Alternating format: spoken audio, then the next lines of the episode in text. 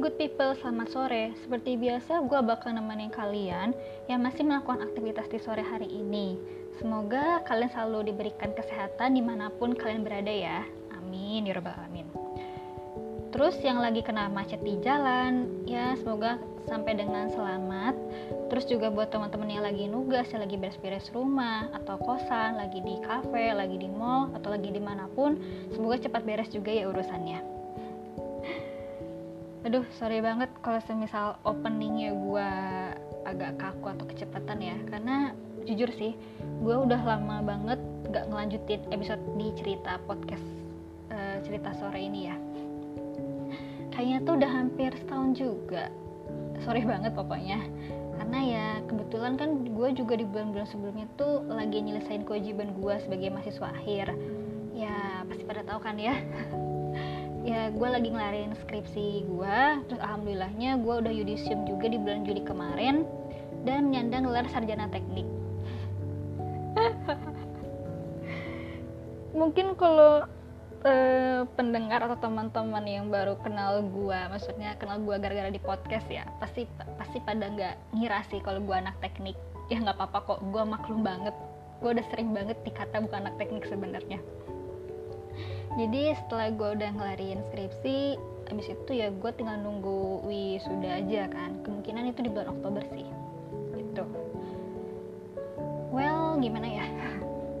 Kok agak kaku sih sebenarnya gue udah jarang ngerekord kayak gini. Uh, setelah gue yudisium tuh ya gue ngerasain sih rasa hidup semi-semi pengangguran tuh agak culture shock ya. Di mana gue tuh selama ini tuh ada aktivitas yang biasanya gue selesaiin yang gue lakuin tapi sekarang tuh gue cuma bisa diem diem aja di rumah ngelakuin hal-hal yang ringan. Jadi itu intensitas gerak gerak gue aktivitas gue tuh emang agak menurun drastis sih. Tapi sebenarnya gue juga agak bingung apa semua orang yang embel-embel fresh graduate ng ngalamin hal yang sama atau enggak gitu kan. Terus juga gue sempet nanya-nanya juga sama senior-senior gue di kampus dan juga teman-teman gue juga yang udah kerja katanya sih fase yang gue alamin tuh fase yang normal banget katanya. Katanya tuh fase yang gue alamin itu fase privilege.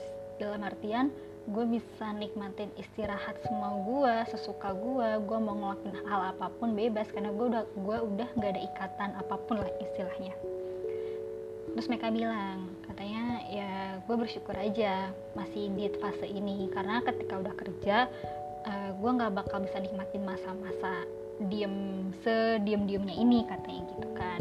Nah emang bener sih. Jadi ya uh, gimana ya?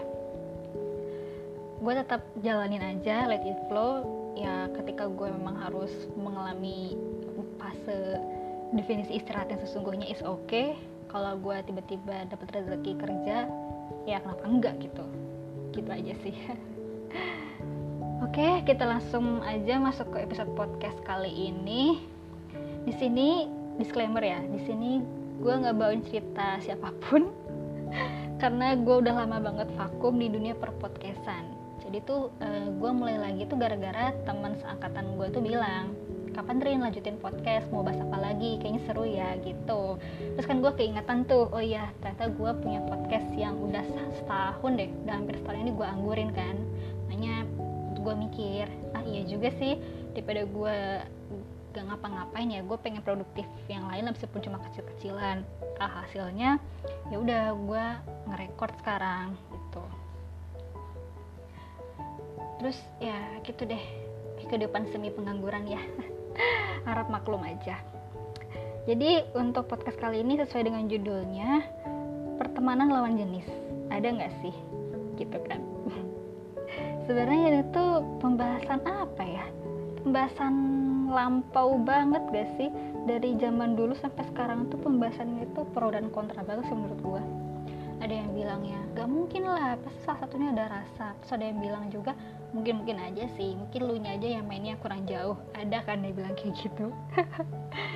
Ya terlepas dari itu sebenarnya dua sisi ini menurut gue sama-sama baik sih. Cuman tergantung lagi kita kepribadiannya seperti apa kayak gitu kan. Nah jadi untuk pertemanan lawan jenis itu ada gak sih gitu kan? Kadang tuh ya gue tuh suka nge-scroll nge-scroll sosmed ya terutama di Twitter. Ada sih beberapa akun yang bilang kalau pertemanan atau sahabatan antara cowok cewek itu nggak murni.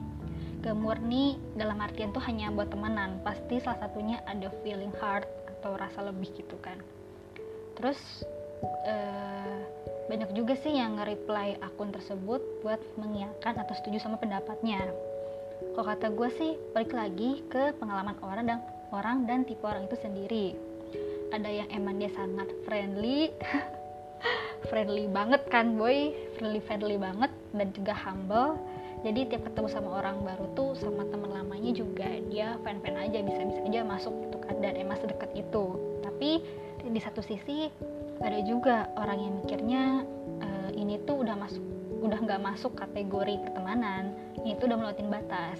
Jadi harus emang harus ada boundary-nya gitu. Ada juga orang-orang kayak gitu kan. Karena emang gue nggak bawa cerita apa pun jadi kayaknya gue mau ceritain pengalaman gue aja. Gue yang punya sahabat cowok pas zaman gue masih ngampus ya.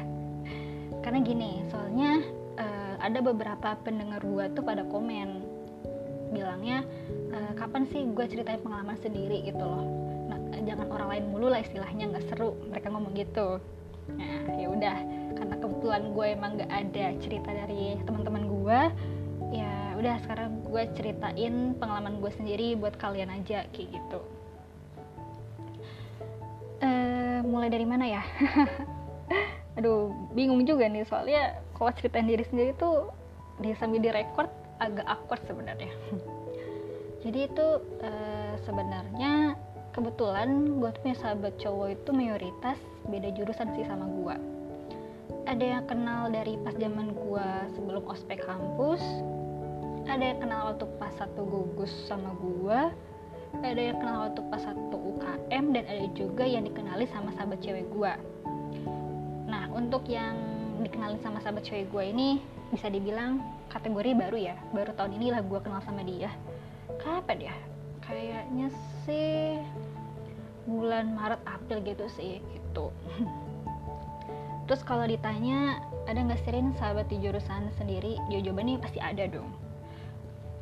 Tapi ya intensitas gue cerita sama mereka mungkin emang nggak lebih banyak daripada ke teman gue beda jurusan. Karena gini uh, eh, gue takutnya mereka bosen sama cerita gue atau kayak Rin kan lu apa ya kayak lu lebih paham daripada dibandingkan gue harusnya lu bisa ngatasin sendiri. Nah gue tuh agak-agak enak aja sih kalau terlalu sering cerita sama teman gue yang yang eh kok beda jurusan apa? Yang sama jurusan gitu. Makanya gue lebih prefer sama yang beda jurusan sekalian aja kayak gitu sebenarnya sih uh, gue juga nggak paham kenapa tiba-tiba bisa terbentuk suatu perjanjian. Eh bentar kok perjanjian apa sih? Uh, namanya ya udah saling tahu aja gitu. Kalau gue sama si sahabat gue ini emang beneran sahabatan tanpa embel-embel rasa suka. Terus tuh kadang juga suka ada yang nanya kan sama gue kenapa sih Rin kok bisa uh, lu sahabatan sama si X? itu namanya itu tuh bertahun-tahun dan nggak pernah saling suka atau nggak pernah ada apa ya gak ada indikasi buat lanjut ke PDKT gitu. Sebenarnya tuh ada beberapa jawaban yang bisa gue kasih gitu kan.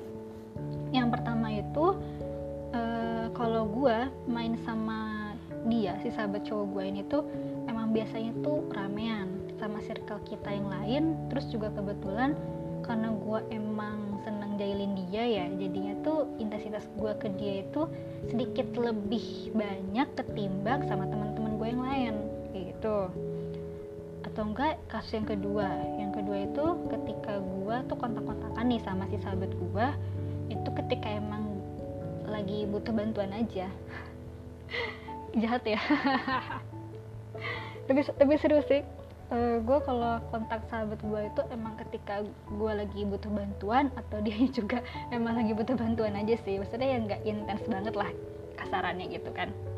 Nah untuk soal gue butuh bantuan ini tuh ya biasanya karena hal sepele sih. Dari dari dari urusan hal sepele sampai yang paling urgent pun ya alhamdulillahnya dia selalu ada buat bantuin gue gitu. Tapi kalau semisal dia ada urusan ya gue pastinya nggak minta tolong sama dia dong. Ya gue minta tolong sama teman gue yang lain yang waktunya tuh masih free ibaratnya gitu kan. Gitu. Ya nggak hanya minta bantuan sih. Ya maksudnya kalau buat cerita sharing-sharing tentang permasalahan kuliah atau tentang kerja magang tentang pertemanan gitu. Ya gue sama si sahabat cowok gue ya emang saling cerita gitu. Ya gimana ya? Maksudnya ya kita kan saling mengasihi dan memberi ya kalau sesap apa ya saling mengasihi dan memberi antar umat manusia. Kalau dalam agama kan kayak gitu. Nah pada urusan pertemanan juga atau urusan persahabatan gue sama teman gue ya kayak gitu juga. Uh, apa uh, menganutnya lah kasarannya. Nah tapi uh, untuk yang kedua ini um, yang perlu gue garis bawahi ini bakal berlaku ketika gue dan sahabat gue emang sama-sama nggak punya pacar ya jadi kalau semisal gue punya pacar atau dia yang punya pacar ya secara alamiah kita bakal ngebatasin banget sih namanya kontak-kontakan karena ya kita juga harus menghargai pasangan dia dong. Menghargai pilihan sahabat kita buat menjadikan dia itu pacarnya kan. Jadi kita juga nggak mungkin buat musik lah kasarannya. Nah itu tuh apa ya ya emang udah secara alamiah aja kita ngelakuinnya tanpa kita harus kayak ngomong eh lu ntar kalau gue punya pacar gak usah ganggu-ganggu ya. Yang gak gitu juga gitu.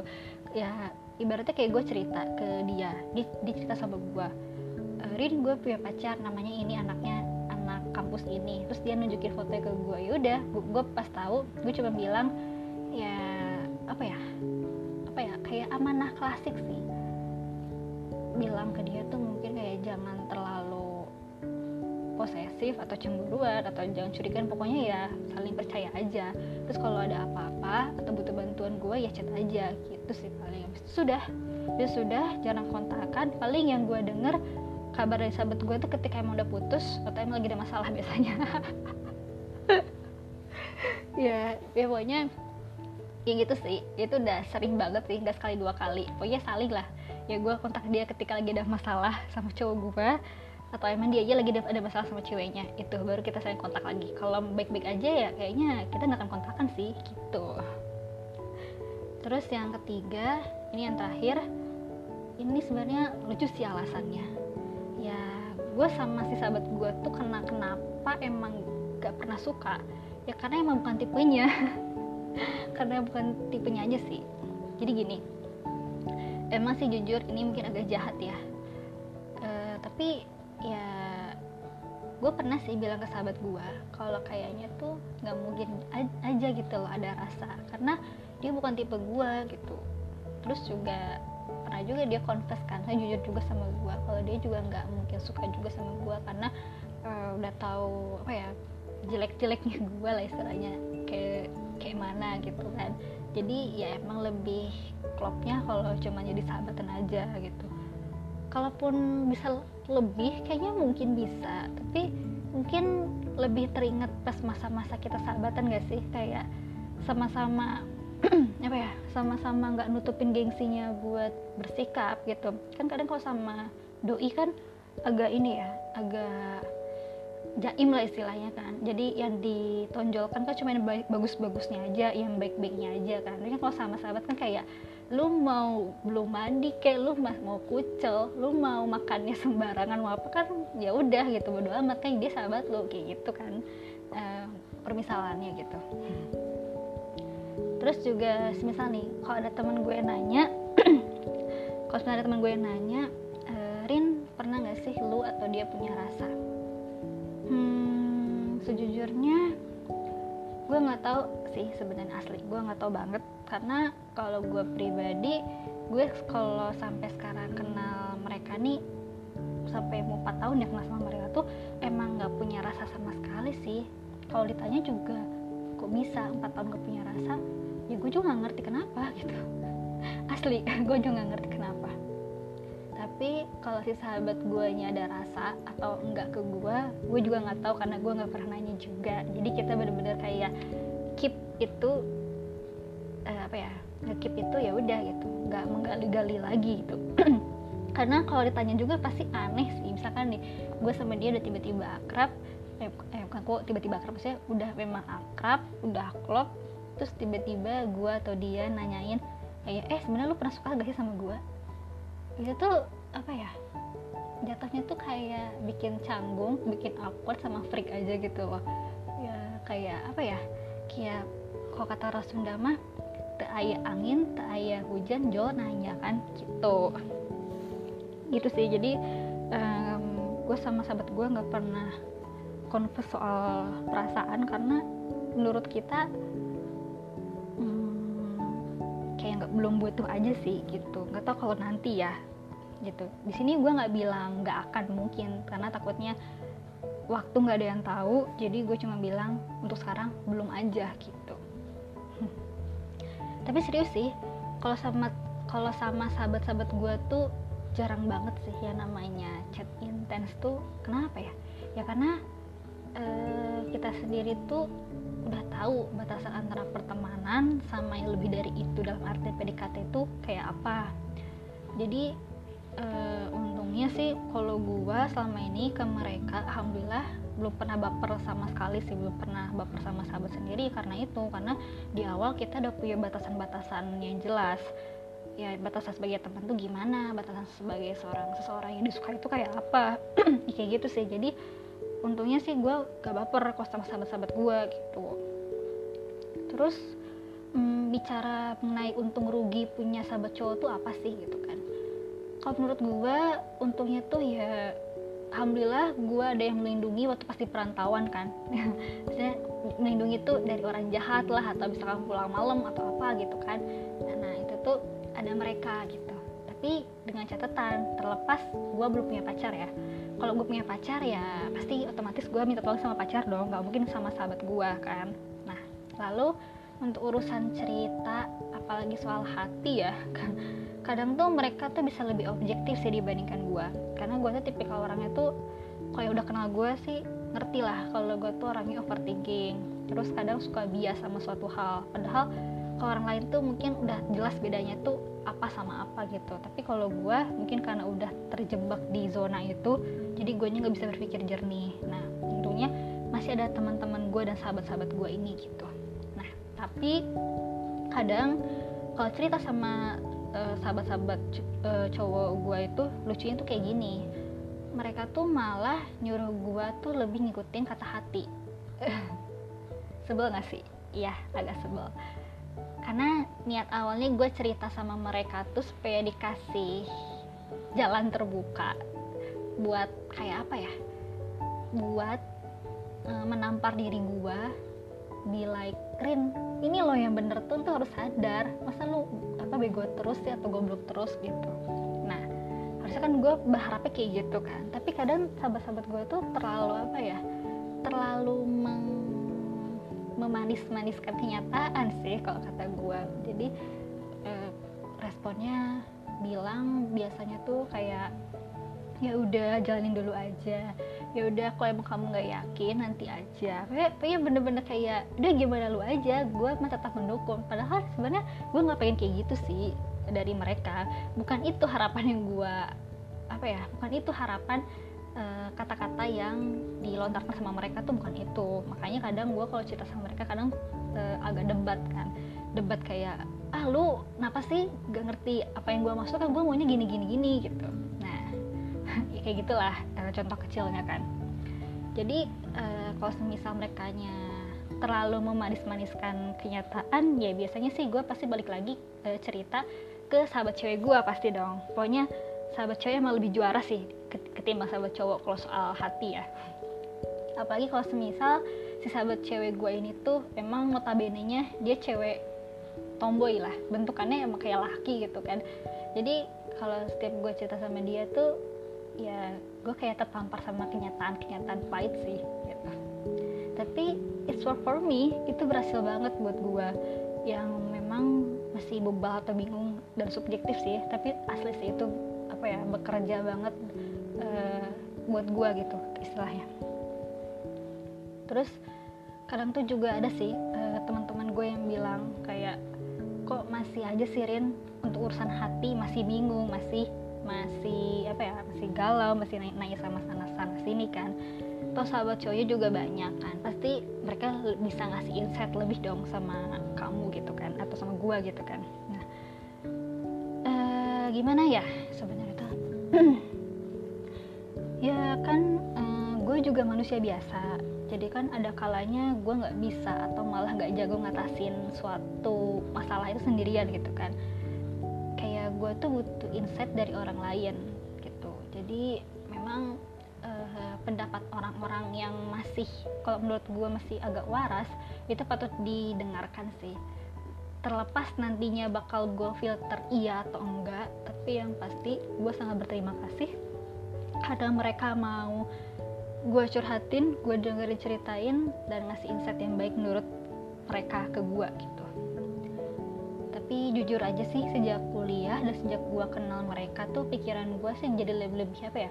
Jadi lebih um, logis aja gitu loh. Gak wasting time sama sekali aja dibandingkan zaman gue SMA pokoknya ya intinya uh, thanks aja gitu buat sahabat-sahabat gue mau cowok maupun cewek yang namanya nggak bisa gue sebutin di sini. Pokoknya you are the best. Um, selalu mau mendengarkan keluh ke kesahku pokoknya ah, pokoknya itulah nggak bisa diungkapin sama kata-kata gitu.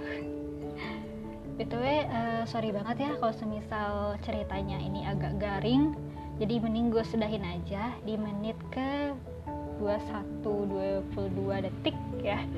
Jadi intinya tuh ya sebenarnya hmm, tiap insan itu bisa kok punya sahabat lawan jenis tanpa ada embel-embel romansa atau perasaan. Asalkan hmm, lu sama dia juga bisa memanage hati dan perasaan lo dan dia juga kan tentunya. Hindari batasan-batasan yang seharusnya emang dilakukan sama temen atau lo yang emang niatnya buat PDKT jadi tolong banget dipisahkan aja ya antara pertemanan sama PDKT itu tolong banget sih. Karena e, gue juga menemukan beberapa case di mana batasan tem antara temen PDKT sama OTW jadi pacar itu campur-campur aja gitu lah. Nggak ada apa ya nggak ada pembatasnya sama sekali.